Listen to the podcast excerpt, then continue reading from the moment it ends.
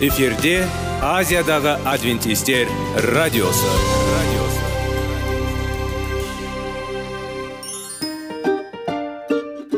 Сәлем достар. Денсаулық өмір бұлағы және біздің бірінші байлығымыз демекші денсаулық сағаты рубрикасына қош келдіңіздер. Бір кісінің ауырғанын айтқысы келмесе де ол онсыз да көрініп түсінікті болады. Өйткені ауырғанда жанымыз қиналғаны кейде соншалық сол үшін дәрі алуға қарағанда мұның бәрін алдын ала алу жақсы емес пе?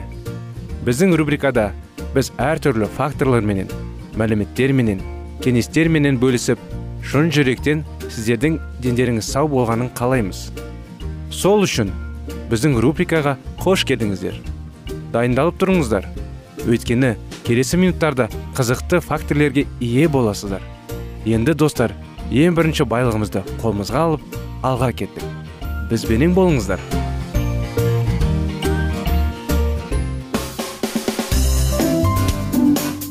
Денсаулық туралы хабар. Денсаулықтың ашылуы. Күн сайын сөз үшін күшті кеңестер соңғы жаңалықтар қызықты факторлар біздің рубрикада.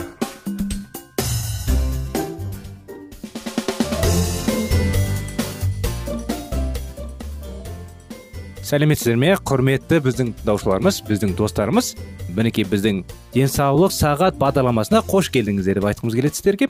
Біздің денсаулық сағат бағдарламасына бүгін жаңадан қосылып жатқан біздің тыңдаушыларымыз болса сіздерге де сәлем жолдаймыз.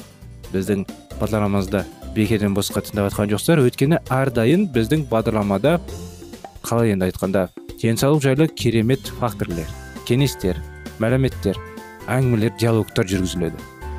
Рас бүгін денсаулықты өткенде маңызды тақырып соңғы уақытта неліктен? Өйткені денсаулық көптеген адам денсаулықпен ә, өзінің денсаулықпен қиындықтар туып жатыр сондықтан қазір сіздермен біраз болды бірге әңгімелесіп талдап жүрген тақырыптарымыз пайдалы әдеттер жайлы дұрыс әдеттер жайлы.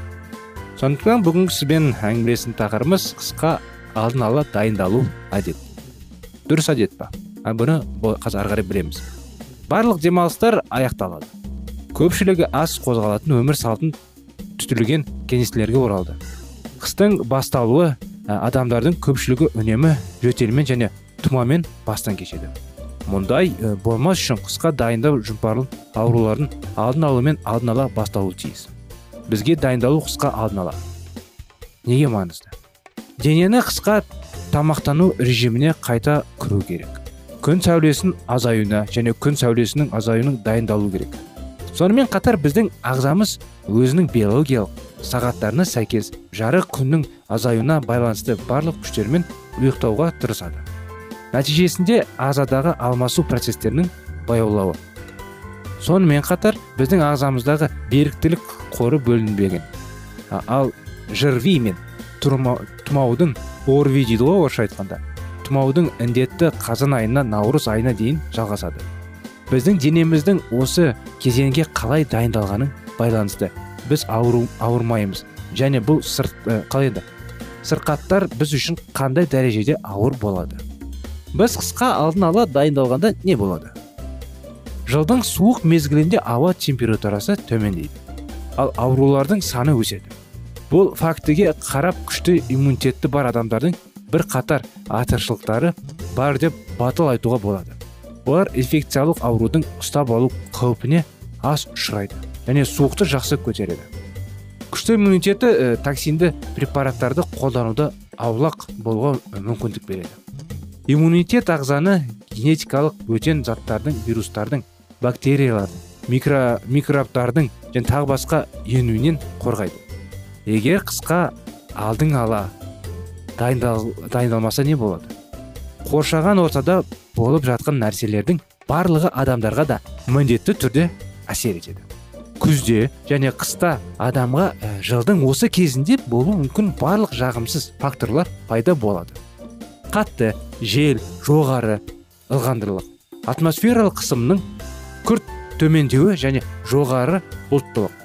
Осы компоненттердің әрқайсысы ағзаға әсіресе жүрек қан тамыр жүйесіне теріс әсер етеді. Біздің денеміз қалай енді бейімдеуге тырысады. Ол негізінен қан жүйесі арқылы жасайды. Жүрек қан тамырларында жиі жаңарту үшін жылдам жұмыс істей бастайды. Оған жүктеме бірнеше есе өседі.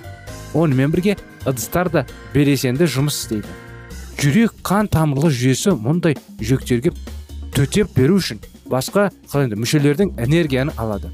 Ағзаның жалпы қорғанышты қорғанышты қадірлеріне әсерлейді. Созылмалы аурулар өршиді. Ал айнала тек сол сияқты әртүрлі жұқпалы аурулардың тұтас тобыр күтеді. Не істеу керек? Біріншіден бұл тағам рационын қайта қарап теңгерімді қалай теңгерімді тамақтау жанарлап майлардың өсімдік майларымен барынша ауыстыру керек. Клетчаткаға бай өнімдердің алынған күрделі көмірсуларды тұтас дәнді нан жарма жемістер көкөністер қабылдау керек. Тәттіге қажеттілік бал мен кептірілген жемістерді қанағаттандыруға болма, болады. Осылайша сіз ешқашан еш емес айтарлықтай арықтайсыз. Шек микрофлораларын суықтырыңыз және иммунитетіңізге баға жетпес қызмет беріңіз. Келесі кеңес қозғалыңыз. Жаяу жүріңіз жүгіріңіз билеңіз бір сөзбен дене белсенділігін кез келген түрін таңдаңыз. Қыста бұл вирустық шабуылдарға қарсы тұруға көмектеседі. Тұмаудың вирустар ең адаммен өкпе әсіресе әсіреген. Егер сіз темекі шеуге мақсат қойсаңыз никотин тамырды тарылтып денені өттекті аштық деп атайды. Қыста бұл өте қауіпті. Маусым бойынша киіңіз. Киініңіз. Аяз бастар алдында ә, тоңазуды болдырмау. Бас киім киіп басына жылы ұстау қажет. Келесі жылға дайындалу үшін суықты қалай енді. Суықтау қалмау үшін ә, біраз енді дайындалу керек. Рас қой достар. Дұрыс жаздай жаңағы қоректеніп ә, жеміс жидектер жеп пайдалы кезінде үлкен кісілер айтушы еді ара шаққан кезде қыста ауырмайсың деп. Содан ара деп ара шақсын деп айтпаймын ара шақтырыңыздар деп те айтпаймын достар. Сондықтан неғұрлым дайындалған дұрыс. Дұрыс тамақтанып дұрыс өзіңді дайындап қысқа жылы киімдер дайындап неғұрлым жаңағы дене шынықтырумен айналысып дегендей өз өзін дайындап физиология жағынан дайындап дайындалуға дұрыс болатын еді. Тағы қандай кеңес бере аламын достар? Әрине қысқа дайындық өте маңызды деп есептейміз. Сондықтан мінекей сіздерге сондай кеңес. Енді келесі бағдарламада басқа тақырыптармен күтеміз сіздерді достар. Бүгінге осы біздің бағдарлама тақырыпта. Сондықтан сіздерге сау саламатта болыңыздар дейміз. Рахмет сіздерге.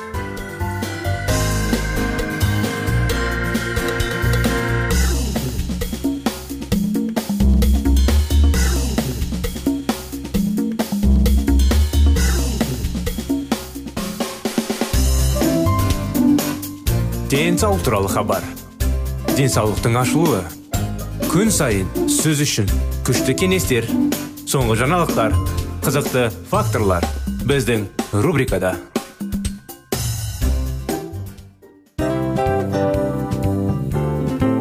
Әуелі байлық денсаулық екінші байлық он саулық үшінші байлық ақ жаулық. Ал енді осындай радио парақшадан кейін не дейміз?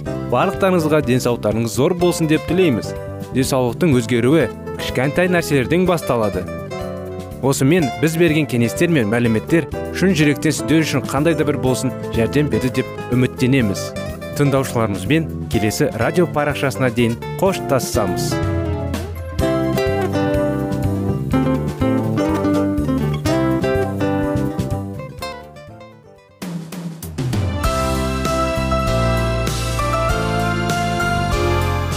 эфирде азиядағы адвентистер радиосы. Радиосы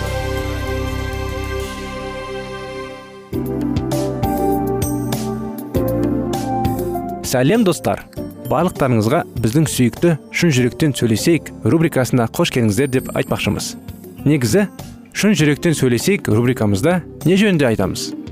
Шын жүректен сөйлесейік бағдарламасы әртүрлі қызықты тақырыптарға арналған. Махаббат деген биік тас оған ешкім жете алмас жетеді оған екі жас дегендей. Шындығында шын жүректен сөйлесейік деген сөздің мағынасы екі достың екі адамның екі жастың арасындағы шын жүрекпен сөйлесуі бір біріне сенуі ашықтық пен шындықты білдіреді. Сол үшін біздің бағдарламаларды үзбей бізбен бірге болып тұрыңыздар. Әртүрлі қызықты тақырыптарды сіздер үшін арнап дайындағанбыз. Дайындалыңыз жаңа қызықты мәліметтерге ие болуға. Ондай болса кеттік.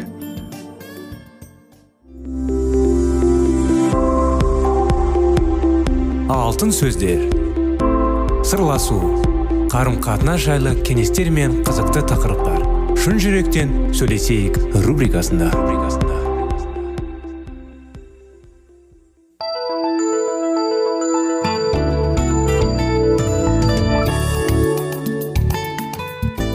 Сәлем достар құрметті біздің тыңдаушылар. Шын жүректен сөйлесейік бағдарламасына қош келдіңіздер. Мінекей қазіргі уақытта сіздермен біраз болды шектеулер жайлы кітапты оқып әңгімелеп жүрміз. Сондықтан ә, оны жалғастыра кетсек былай. Тұлға аралық байланыстар ана баласынан қажеттіліктерін орындағанда қолына көтеріп тамақтандырғанда оның жөркектерін ауыстырған кездерде орнай бастайды. Баланың жүрегінде өзінің қажеттіліктерін дереу орындайтын анасының. Бейнесі орнығып қалады. Бұл кезінде балалар өздерін аналарын бөлек тұлға ретінде сезінбейді. Олар ана мен мен бәріміз деп ойлайды. Кейде мұны симбиоз анасымен құшақтасып жүзу деп атайды. Дәл осы бірлік баланың анасы жоқта қатты қорқынышты сезінуіне себеп болады. Сонда оларды анасынан өзге ешкім де жұбата алмайды. Баланың ішкі сезімдер бейнесі оның алғашқы бірнеше айда көрген мыңдаған нәрселерінен құралады. Анасының үнемі жанында болуының басты мақсаты сезімдік нысананың тұрақтылығы деп аталған жағдаймен байланысты.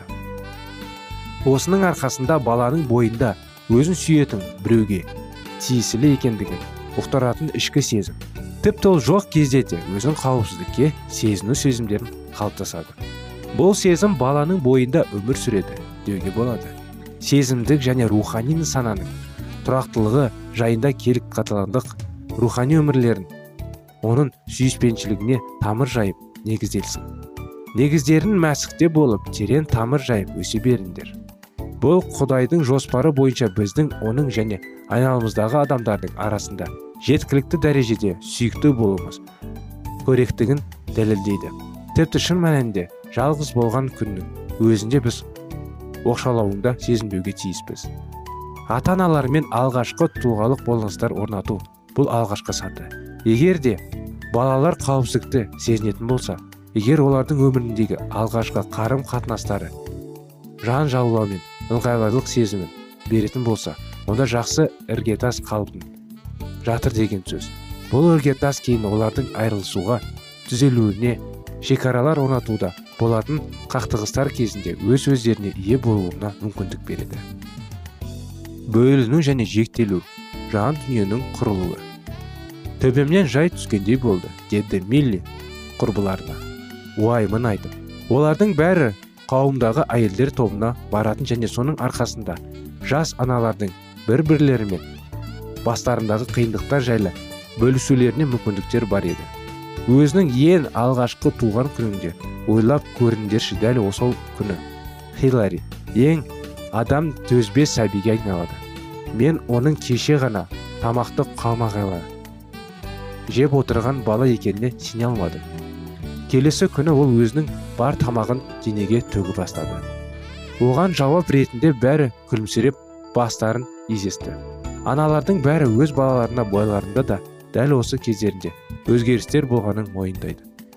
Бәріне кенетін көнетін сүйкімді сәбилер бір күнде ашушан айтқаның істейтін балаларға айналды. Оларға не болды? Кез келген балалар дәрігері немесе балалардың есуін зерттейтін маман бір жас пен үш жастың арасында баланың өмірінде түбегейлі өзгерістер болатынын түсіндіріп берді. Бұл үйде қандай әбігершілік тудырса да әрбір бала осы арқылы өтуі тиіс. Осы жастағы мұндай өзгерістер қалыпты жағдай. Бұл құдайдың әрбір бала үшін белгілеп қойған жоспарының бір бөлігі болып табылады. Баланың бойына қауіпсіздік пен беруге берілу сезімі тамырын жайға кезде беректену мен тәуелсіздікке дене қажеттілік туындайды. Мамандар мұны бөліну мен жекелену кезінде деп атайды. Бөліну баланың өзін анасының бөлек және тұлға ретінде қабылдауы. Бала анам бұл мен емеспін дегендей болады. Бала анасынан ажыраған кезде оның байында жеке тұлғалық қалыптасу кезін жіктелу деп аталады. Бұл жерде бала ал бұл менің дегендей болады. Алдымен мен еместі біліп алмай тұрып мені сезіну мүмкін емес бұл ағаштар мен бұқталар үйісіп тұрған жерге үй салынған бірдей. Сіз алдымен бұтталарды шауып алғандай тасарсыз. Тек содан кейін ғана үйде сала бастайсыз. Өзіңізге құдай берген тұлғаңызды қайталанбастан шынайы қырларын ашу үшін сізге алдымен өзіңіздің кім емес екендігіңізді біліп алуыңыз қажет. Исаның барлық жағынан сақталып қалған жалғыз куәлік осы ұстанымды растайды. Анасы мен әкесінің исаны иерусалимге қалдырып кеткендері есіңізде ме? Олар исаны іздеп иерусалимге қайтып оралғанда оның ғибадатханада исаналғандарын сұратқанда жауап беріп отырған жерінен тапты. Сонда анасы оны жазғырып балам бұл не қылығың? Әкең екеуміз қатты алаңдап сені іздеп келдік деді. Иса мен неге іздейсіңдер менің әкемнің ісімен шұғылдауымның қажет әлде мұны білмейсіңдер ме? деп жауап берді. Басқаша айтқанда апа менің сенікінен өзгеше өз құндылықтарым ойларым мен көзқарастарым бар. Иса өзінің кім емес екенін білді және сол секілді өзінің кім болып табылатынын да нақты білді. Бөліну мен жекелеу кезінде оңай өтпейді. Балалық шақты шекаралардың орнату процесі үш кезімен бейнеленеді. Алғашқы бөліну жұмыртқаны жарыққу жаттығу өз бетінше өмір сүру тағдырының біркеуі. Және тепте теңдіктің қалпына келуі үйлесімділік мінекей достар уақытымыз да аяғына келді. Шектеулер кітабының жалғасын келесі жолы жалғастырамыз. Бізбен болғандарыңызға рахмет. Сау саламатта болыңыздар.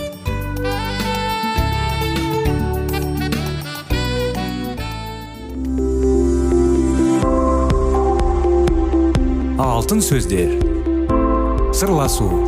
Қарым қатынас жайлы кеңестер мен қызықты тақырыптар. Шын жүректен сөйлесейік рубрикасында.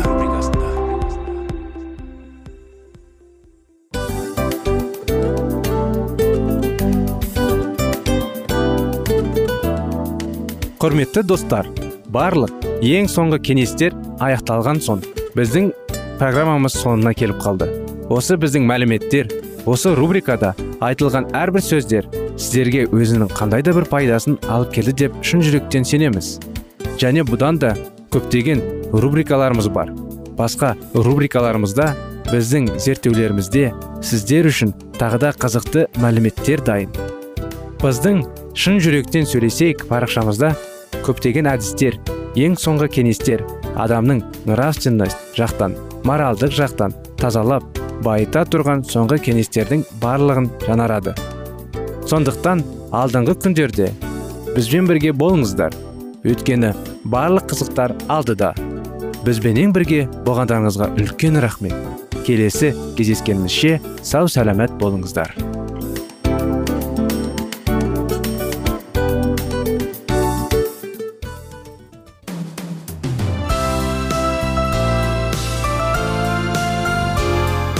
Эфирде азиядағы адвентистер радиосы.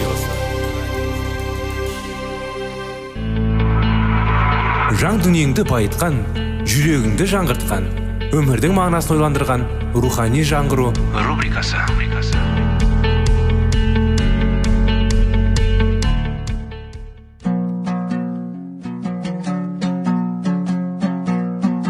Ассалаумағалейкум біздің тыңдаушыларымыз. Келі кітаптың шындығын ашып берген қысқа бағдарламасына қош келдіңіздер. Барлығынан жоғары жаратушы біздің қарыңғылықта жалғыз қалдырып қойған емес. Өйткені ол келешекте не болу керек екенін киелі кітаптың парақтарында ашып береді. Немесе келіңіздер бізге қосылыңыздар. Жаратушы бізге нен ашып бергенін зерттейміз. Ассалаумағалейкум біздің құрметті радио тыңдаушылар біздің құрметті достар біздің рухани жаңғыру бағдарламамызға қош келдіңіздер. Құрметті достар біздің бағдарламаны ары қарай жалғастырамыз. Жетінші күннің адвентистер киелі кітапқа сенеді. Біз құдай шіркеуде пайғамбарлық сыйлықты қалпына келтіреді дейді. Келі кітаптың бір бөлігін тастамаймыз дейді. Тіпті егер бұл пайғамбарлық хабар бізді біраз күнә үшін жек көрсе де пайғамбарлық сыйының бар екенін мәлімдемес бұрын шынайы адам істеу керек жалғыз нәрсе мұндай адамдардың мәлімдемелеріне зерттеу. Елена уайт пайғамбарды тексерудің осы критерияларын қолданыңыз егер ол құдайдың хабаршысының інжіл талаптарына жауап берсе біз оларды құдайдан шынайы дауыс ретінде қабылдау керекпіз. Егер ол сәйкес келмесе біз оны елемеу керекпіз. Елена уайт осы алты келі критерийлерге сәйкес келе ме? Оларға қарайықшы. Пайғамбарлықты орындау дәлдігіне қатысты не? Эллен уайт қандай тақырыптарға жазды және оның еңбектері анықтама қандай? Денсаулық ол жиі жазған тақырыптардың бірі болады. 1800-ден ал өмір сүріп жазған кезде адамдар қант пен жай жүректің ишемиялық ауруына ықпал етеді. Деген түсінік жоқ. Элен уайт сондай ақ тұтас дәнді дақылдардан жемістерден жаңғақтардан және көкөністерден диета туралы жазады. Енді америкалық жүрек қауымдастығы ұсынатын диета. Ол обырға қарсы диета. Ғылыми зерттеушілер жемістерге жаңғақтарға дәнді дақымдарға және диета көкөністеріне бай рак алдын алуға көмектесетінін анықтады. Көрнел университетінің клайв маккей былай дейді. Диетология саласында бұл әйел өз уақытын жүз жылға басып озды 18-ші эллен уайт деп жазды қызмет ету емшілік. Темекі баяу әрекет ететін зұлымдық бірақ жоғары дәрежеде зиянды ұлан. Ол осы сөздерді жазған кезде дәрігерлер өз пациенттеріне темекіні ұсынды. Олар сондай ақ темекі түтінің жұтылуы өкпені тазалайды деп ойлады. Бірақ эллен темекі зиянды уды ғылыми дәлелдерді растаған дейін жазды. Бүгін біз шылым шегу қатерлі ісік пен басқа да аурулардың көп екенін білеміз. Бүгін ғылымдардың ешқайсысы осы мәселе бойынша эллен уайтпен дауласар еді. Келі кітап туралы қалай? Эллен уайт өзі не дейді? Егер сіз біреуді бағалағыңыз келсе сіз оларды оқыңыз. Бұл туралы басқалар не деп айтады? Қандай маңызды? Сіз барлық дәлелдерді зерделемей өз пікіріңізді шығаратын сындарыңызды веб беттеріңе жазатыны маңызды емес. Мен әрине біреу мені басқалардың маған айтқан нәрсеге негізделе отырып сынағанымды қалаймын. Ұлы күрес кітабында былай жазылған. Біздің уақытымызда жазбаның қағидалары мен өсеттеріне айтарлықтай ауытқулар орын алып маңызды қажеттілік сезініледі. Ұлы протестанттық ғидатқа оралу киелі кітап және тек киелі кітап сенім мен борыштық мейірлі болып табылады. Біз осы пікірмен бүгін келісе аламыз ба? Біз киелі кітапқа орал керекпіз. Пайғамбарлықтың шынайы сыйы адамдардың киелі кітапқа бағыттайды. Қандай да бір анықтама қандай да бір дұрыс емес бір танымсыз бір келісімсіз анықтама болса күмән келтіретін бір нәрселер болса әрине достар кітапты да күмәнді де оның бәрін киелі кітаппен сәйкестіретін бізде мүмкіншілік бар.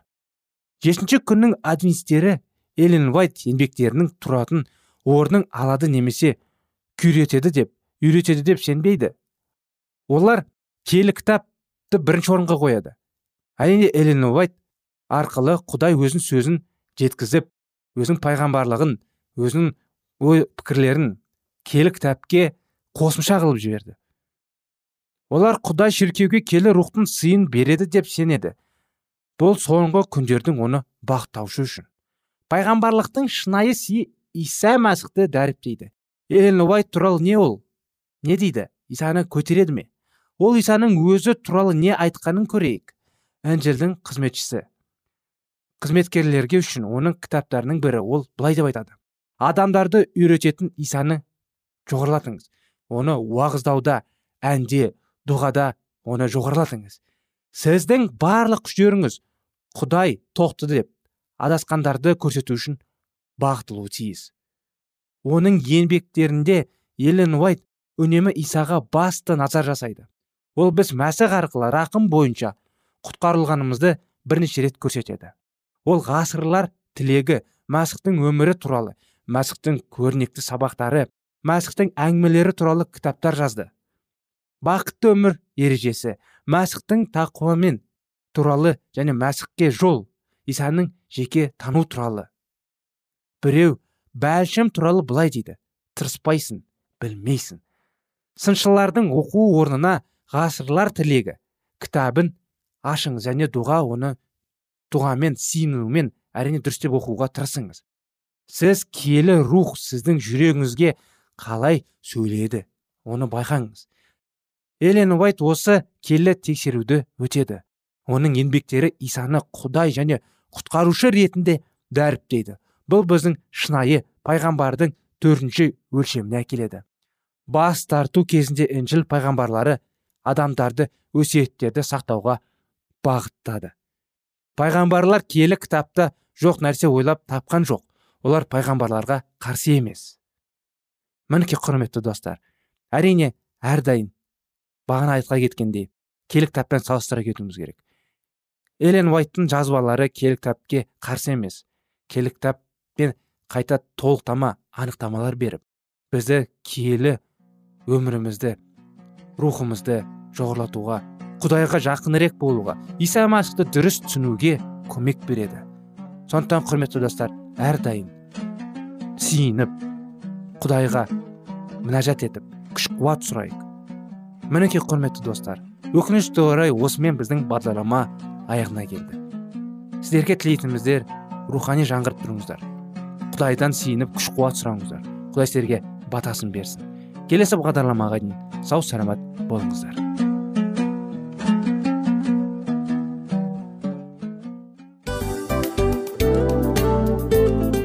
Достар біздің радио парақшамыз өзінің соңына келіп те қалды.